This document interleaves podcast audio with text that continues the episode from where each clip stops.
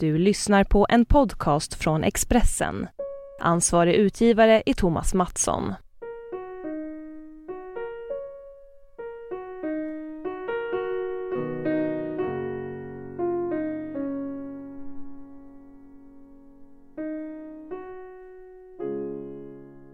Tre gånger satte Adolf Hitler trupper i beredskap för invasion av Sverige. Priset vi fick betala för att inte dras in i andra världskriget var nazisoldater på våra järnvägar och andra eftergifter. Gustav V tog kommandot i utrikespolitiken under krigsåren. Formellt hade kungen ingen makt men han spelade sitt eget spel och arbetade efter sin egen grundlag. Ofta gick han bakom ryggen på statsministern, Per Albin Hansson.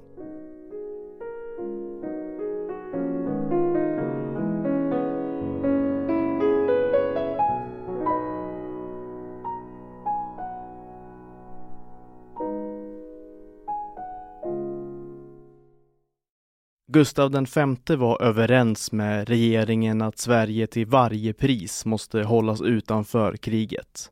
Det skulle kosta.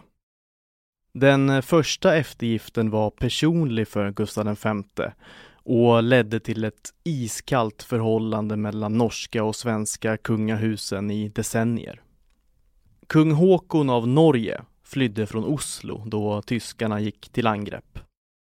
Kungen hade vägrat godkänna Vidkun Quisling som ny statsminister.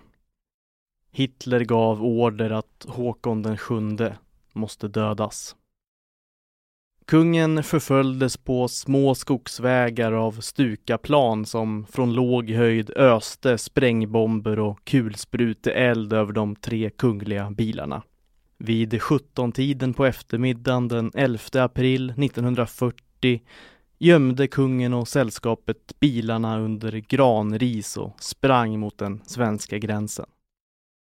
Kungen, kronprins Olav, utrikesminister Halvdan Koht och handelsminister Tryggve Lie, som senare blev FNs första generalsekreterare, nådde gränsbommen vid tullstationen Lillo.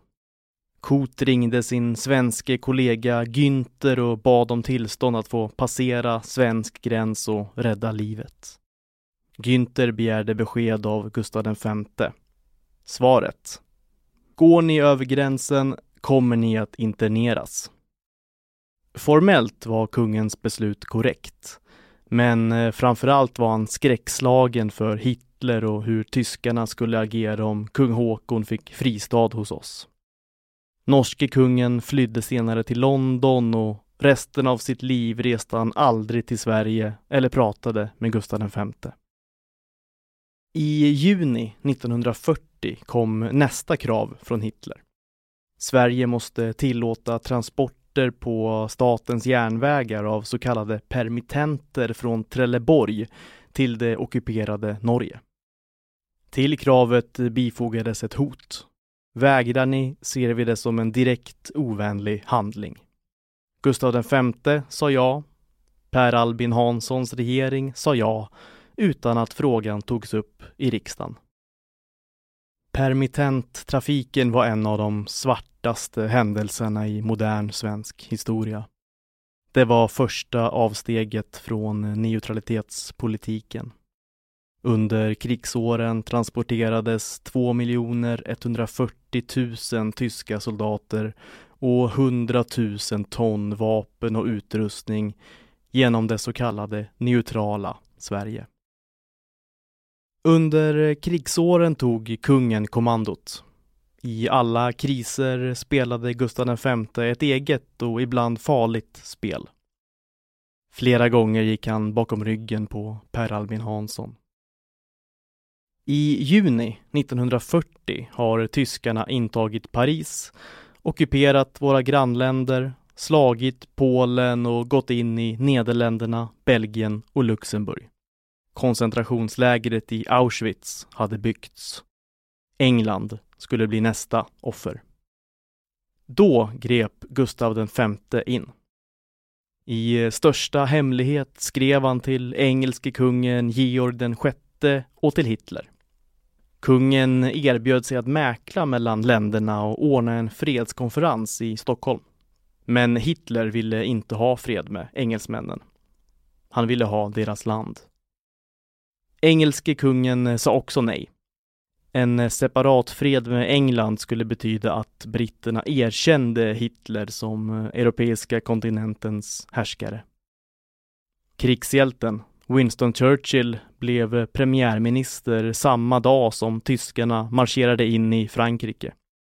I memoarerna skriver han Den föraktlige Gustav V, kungen som inte hjälpte sina grannländer när Hitler kom. Erbjudandet var vanhedrande.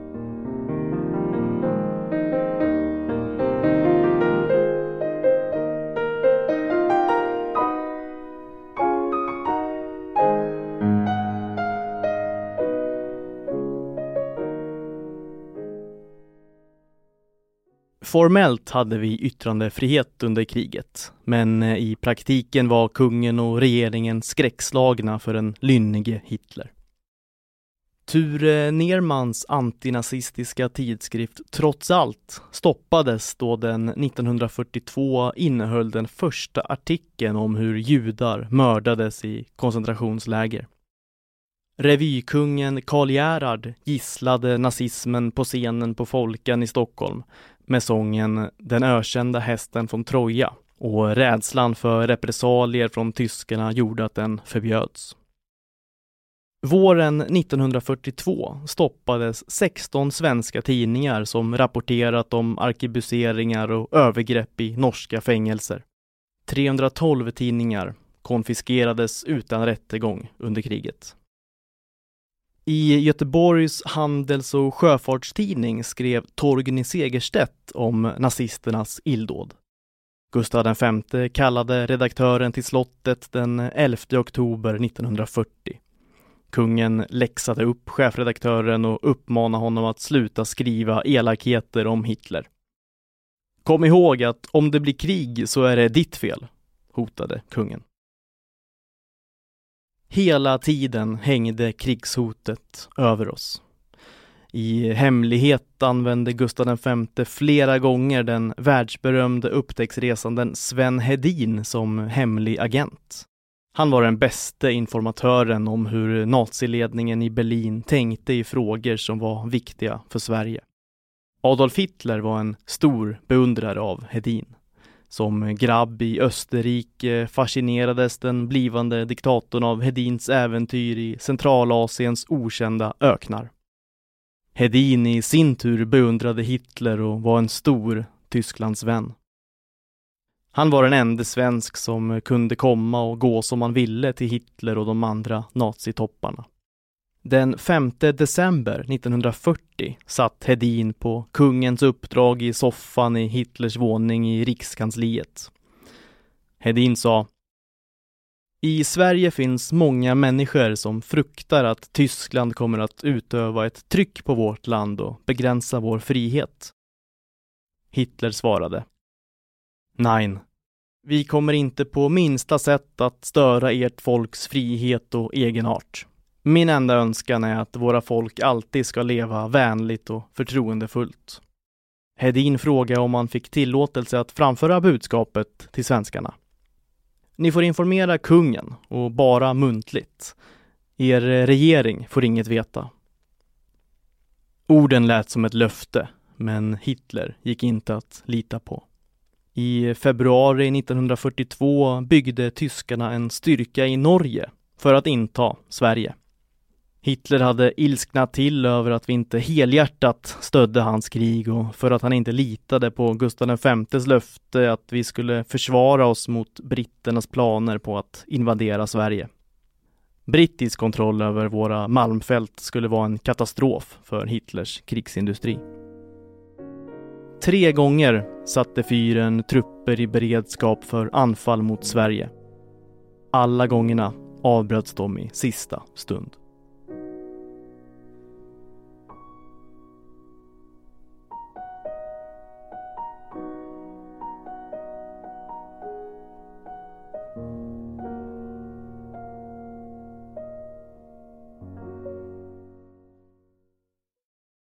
Den 22 juni 1941 var en söndag. Då kom Hitler med det hårdaste kravet hittills. Det ledde till det som i historieböckerna kallas midsommarkrisen. Nazityskland hade samma dag förklarat krig mot Sovjetunionen och därmed brutit vänskapspakten med Josef Stalin.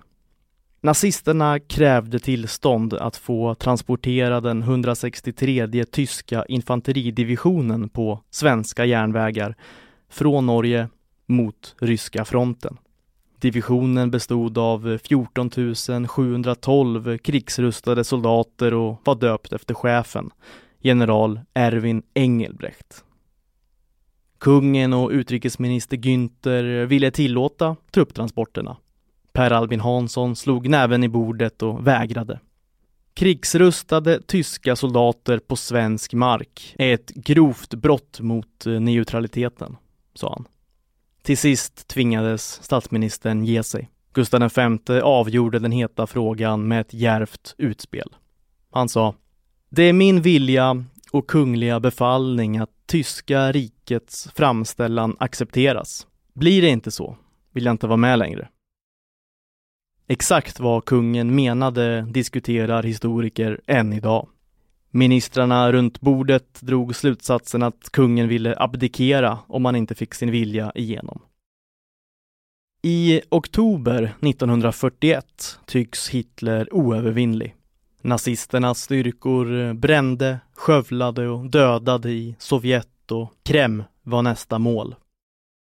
På Drottningholm skrev Gustav V ett brev på finaste papper med kunglig guldkrona i vänstra hörnet. Mein lieber Reichskanzler, inledde kungen och fortsatte. Det gäller den ryska frågan och bolsjevismen. Jag vill uttala mitt varma tack för att ni bestämt er för att slå ner denna pest. Jag lyckönskar er till de redan uppnådda stora framgångarna. Brevet, som är längre än så, är ett eh, fjäskande beundrarbrev till en av tidernas grymmaste tyranner. I förväg hade Gustav V berättat för Per Albin Hansson att han planerade att skriva till Hitler. Statsministern förbjöd kungen. Brevet kunde orsaka en politisk kris i Sverige. Kungen gjorde en kupp. Han eh, kallade den tyske ambassadören till slottet som fick läsa brevet och telegrafera texten till Hitler. Innehållet i brevet blev inte känt förrän efter kriget. Då hittades Gustav Vs handskrivna original i slottets arkiv. Kungen skrev på tyska med blyertspenna med många överstrykningar och ändringar. Den eh, 16 juni 1943 fyllde Gustav V 85 år. Hitlers krigslycka hade vänt. Tyskarna hade förlorat Stalingrad och axelmakterna kapitulerat i Nordafrika. För oss var faran över. Kungen hyllades på slottets borggård. Aldrig hade han varit så populär bland svenskarna. Han sa i talet under rådande stora världskris har jag ansett det vara min plikt att genom ett personligt ingripande vid flera tillfällen söka hjälpa landet ur stundens farligheter. Det har lyckats hittills.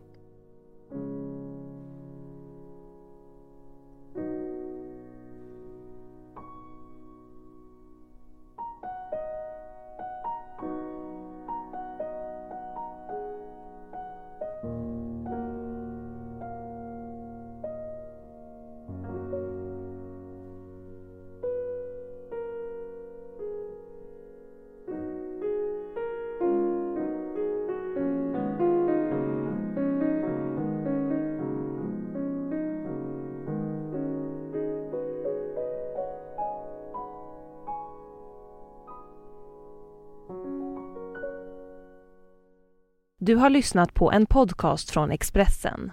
Ansvarig utgivare är Thomas Mattsson.